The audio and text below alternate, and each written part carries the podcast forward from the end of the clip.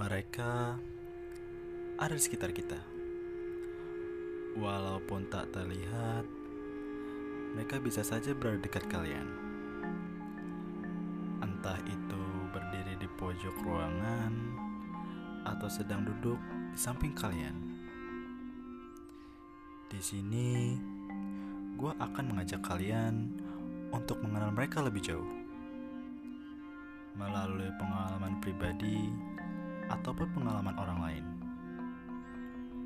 Dengan begitu, kalian akan menyadari bahwa mereka itu ada.